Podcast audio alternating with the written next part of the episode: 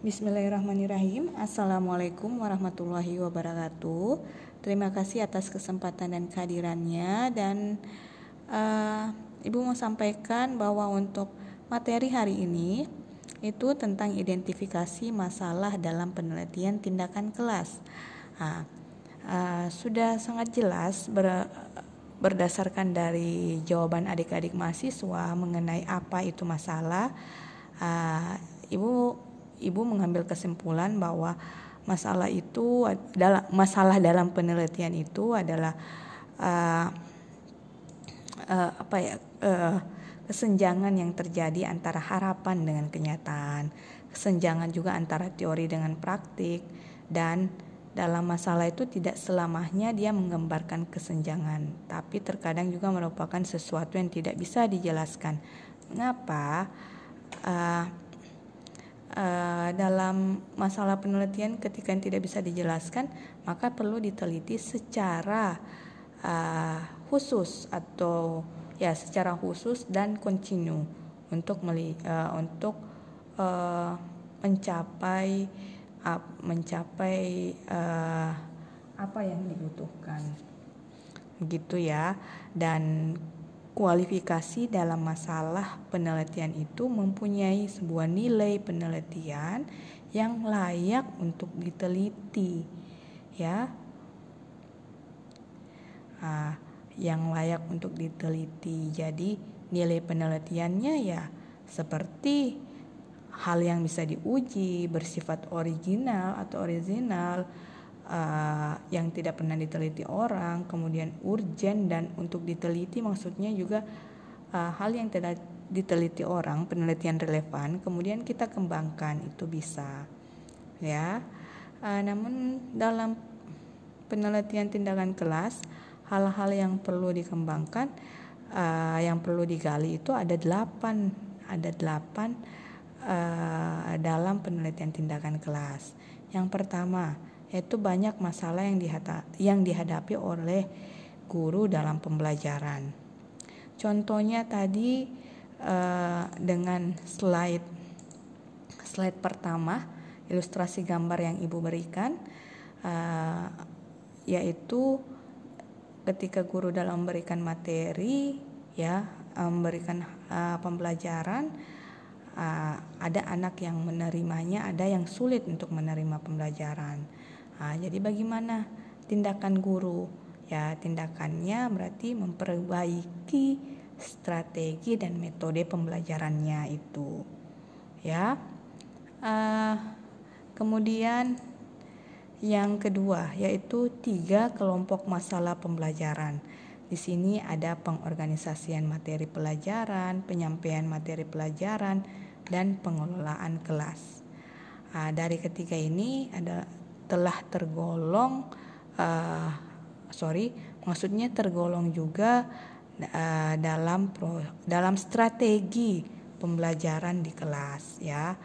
Uh, gurunya lagi yang harus inovatif metode apa yang diberikan. Jadi nanti ada variabel x dan variabel y lah yang akan menjadi uh, uh, apa menja yang akan meningkatkan uh, pembelajaran kurang efektif menjadi lebih efektif. Uh, untuk penjelasan lebih jauhnya itu akan kita masuk di pertemuan berikutnya ya mengenai eh, arah identifikasi masalah menjadi sebuah judul penelitian. Kemudian yang ketiga itu masalah yang berada di bawah kendali guru. Uh, di sini maksudnya masalah yang berada di bawah kendali guru, uh, misalnya guru juga uh, apa ya misalnya itu si guru memiliki masalah juga ya di dalam masalah pribadi. Uh, kemudian uh, terbawa sampai di proses pembelajaran. Uh, itu kan kadang uh, itu juga perlu diteliti secara uh, melalui pendekatan kualitatif ya ada juga masalah yang terlalu besar atau terlalu kecil itu juga bisa jadi penelitian tindakan kelas di sini sasaran dari uh, penelitian tindakan kelas itu adalah uh, guru siswa uh, metode pembelajaran, pengelolaan kelas dan sarana prasarananya. Kemudian yang bagian keenam itu ada masalah yang disenangi. Bisa saja di sini masalah yang disenangi termasuk juga potensi yang akan ditingkatkan. Contohnya, uh, mis, contohnya um, apa ya sebuah metode pembelajaran yang telah berhasil kita ingin kembangkan menjadi lebih baik lagi mungkin menjadi berbasis teknologi kah, berbasis society 5.0 dan sebagainya. Ya, itu bisa. Kemudian dalam penelitian tindakan kelas itu perlu adanya kolaborasi untuk meningkat uh, kolaborasi agar memudahkan dan meningkatkan uh, memudahkan dan meningkatkan uh, apa ya proses pembelajaran yang um, ada di sekolah ya. Jadi maksudnya perlu kolaborasi uh, baik itu uh, baik itu guru maupun orang tua maupun uh, tenaga pendidik dan uh, mahasiswa pun yang ingin melakukan skripsi juga bisa uh, melakukan kolaborasi untuk uh, menindaklanjuti dan mengembangkan uh, masalah dalam penelitian tindakan kelas ya. Seperti itu jadi berdasarkan dari jawaban adik-adik di kolom komentar itu telah beragam sekali ya jawabannya dan menarik.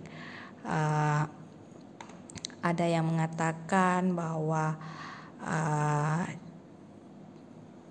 ada yang mengatakan bahwa perlu adanya evaluasi dengan menggunakan uh, apa analisis SWOT ya. Gurunya perlu mengevaluasi dirinya dengan uh, menerapkan analisis SWOT. Kemudian guru juga itu uh, uh, apa ya guru juga memberikan metode-metode yang kreatif.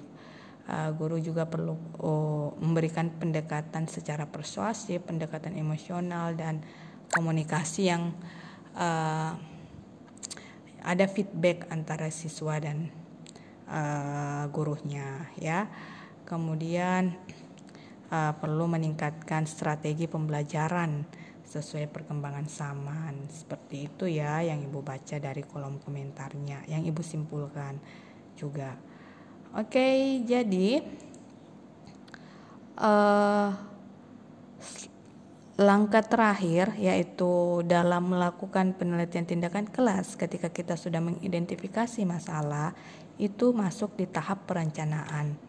Mengidentifikasi masalah menemukan masalah ah, dan apa yang ingin dikembangkan itu ada perencanaannya ya. Oh uh, perencanaan. Oh saya setelah menemukan masalah ini mau memperbaiki strategi pembelajarannya dengan menggunakan misalnya metode bermain bingo. Itu perencanaan awal. Kemudian uh, uh, perencanaan selanjutnya itu uh, mengunjungi sekolah, kemudian mengunjungi sekolah, uh, cek lokasi, uh, kemudian itu melakukan actionnya, tindakannya, ya. Dengan uh, action dan tindakannya itu ya bagaimana mengimplementasikan metode yang inovatif tadi ya. Agar uh, strategi pembelajaran guru itu menjadi efisien dan efektif itu. Uh, setelah perencanaan ada tindakan kemudian ada observasi kita mengamati sambil menilai apa yang perlu diperbaiki apa yang perlu ditambahkan dan apakah berhasil siklus pertamanya atau tidak? Hmm, kemudian ada refleksi. Jika tidak berhasil kan diberikan refleksi lagi dengan Mm, metode-metode yang menarik yang dikembangkan oleh peneliti maupun kolaborasi antara guru dan peneliti. Uh, dan mm, jika di siklus pertama belum berhasil juga masuk ke siklus dua namun tetap dengan empat tahap ini. Ya empat tahap ini berulang-ulang baik di siklus pertama maupun siklus kedua dan uh, sampai berhasil oke jadi uh, itu langkah-langkahnya ya dalam uh, menggali permasalahan di penelitian tindakan kelas. Nah, setelah menemukan masalah itu uh, kita bisa mengidentifikasinya kemudian menemukan akar masalahnya dan menjadilah sebuah judul penelitian ya. Uh, apalagi ya? Uh, oke okay, terakhir ya terakhir dari materi hari ini bahwa bidang kajian penelitian tindakan kelas itu banyak sekali ya. Uh, pastinya sasarannya tadi yang ibu sampaikan yaitu anak guru uh, metode pembela eh, metode pembelajaran atau proses pembelajaran, kemudian pengelolaan kelas dan sarana prasarana. Uh, uh, Ibu telah simpulkan ada di materinya itu bidang kajian PTK ada terdiri dari juga masalah belajar siswa di sekolah, ya itu uh, tergolong untuk siswa ya. Jika sasarannya siswa, apakah masalah belajar siswa atau masalah prestasinya, perilakunya itu bisa diteliti tergantung apa yang diinginkan oleh penelitinya nanti, apa yang perlu dia kembangkan dan dia tingkatkan. Kemudian ada juga desain dan strategi pembelajaran di kelas ya. Bagaimana pengelolaannya, proses pembelajarannya, kemudian bagaimana implementasi dan inovasi pembelajaran si gurunya. Uh, maupun juga ada uh, komunikasi dan kolaborasi antara guru dan orang tua untuk um, memperbaiki dan meningkatkan prestasi belajar siswa.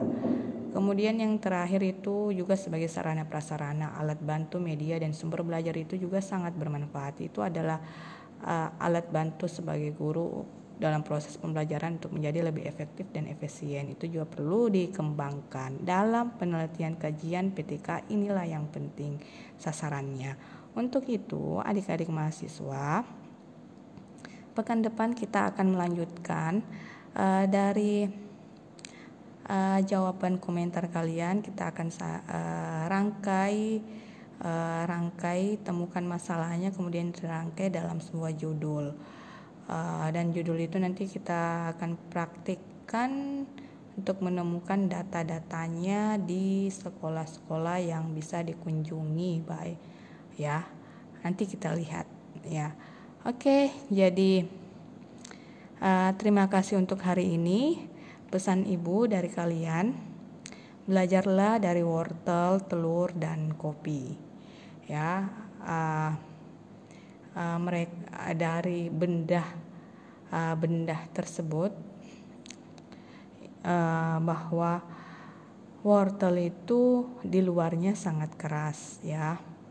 Namun ketika direbus dia begitu empuk ya untuk empuk kemudian uh, empuk ya dan sudah selesai.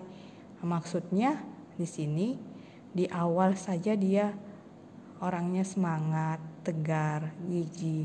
Namun dalam sebuah proses setelah atau setelah direbus dia menjadi empuk berarti sudah uh, bisa dikatakan malas lah atau minta bantuan terus seperti itu. Sebaiknya jangan menjadi uh, perilaku seperti wortel. Kemudian kalau sebab telur, uh, kalau belajar dari telur kita bisa ambil uh, gambarannya bahwa telur itu juga keras ya uh, keras di luar, namun di dalamnya itu jinak cair ya orang semangat gigi tapi dia rendah hati.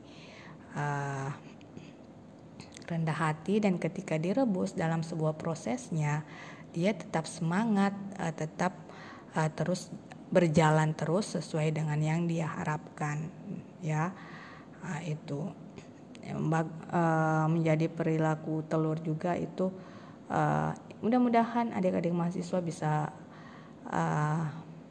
apa ya tersampaikan pesan ini kepada adik-adik mahasiswa dan bisa uh, terus belajar belajar dan semangat untuk menjadi mahasiswa yang berkarya dan berprestasi baik secara akademik maupun non akademik dan khususnya fokus ke uh, penyelesaian studinya. Oh iya terakhir kalau untuk belajar dari kopi itu kopi sangat bagus ya uh, ketika dia direbus uh, atau di, baik di wadah kecil maupun wadah besar uh, dia memberikan warna aroma yang menarik ya jadilah seperti kopi yang bisa memberikan nilai-nilai yang bermanfaat. Terima kasih dan Ibu akhiri wabillahi taufik walidayah. Wassalamualaikum warahmatullahi wabarakatuh. Dan selamat menyambut bulan suci Ramadan. Insya Allah Ramadannya berkah. Amin. Assalamualaikum. Salam.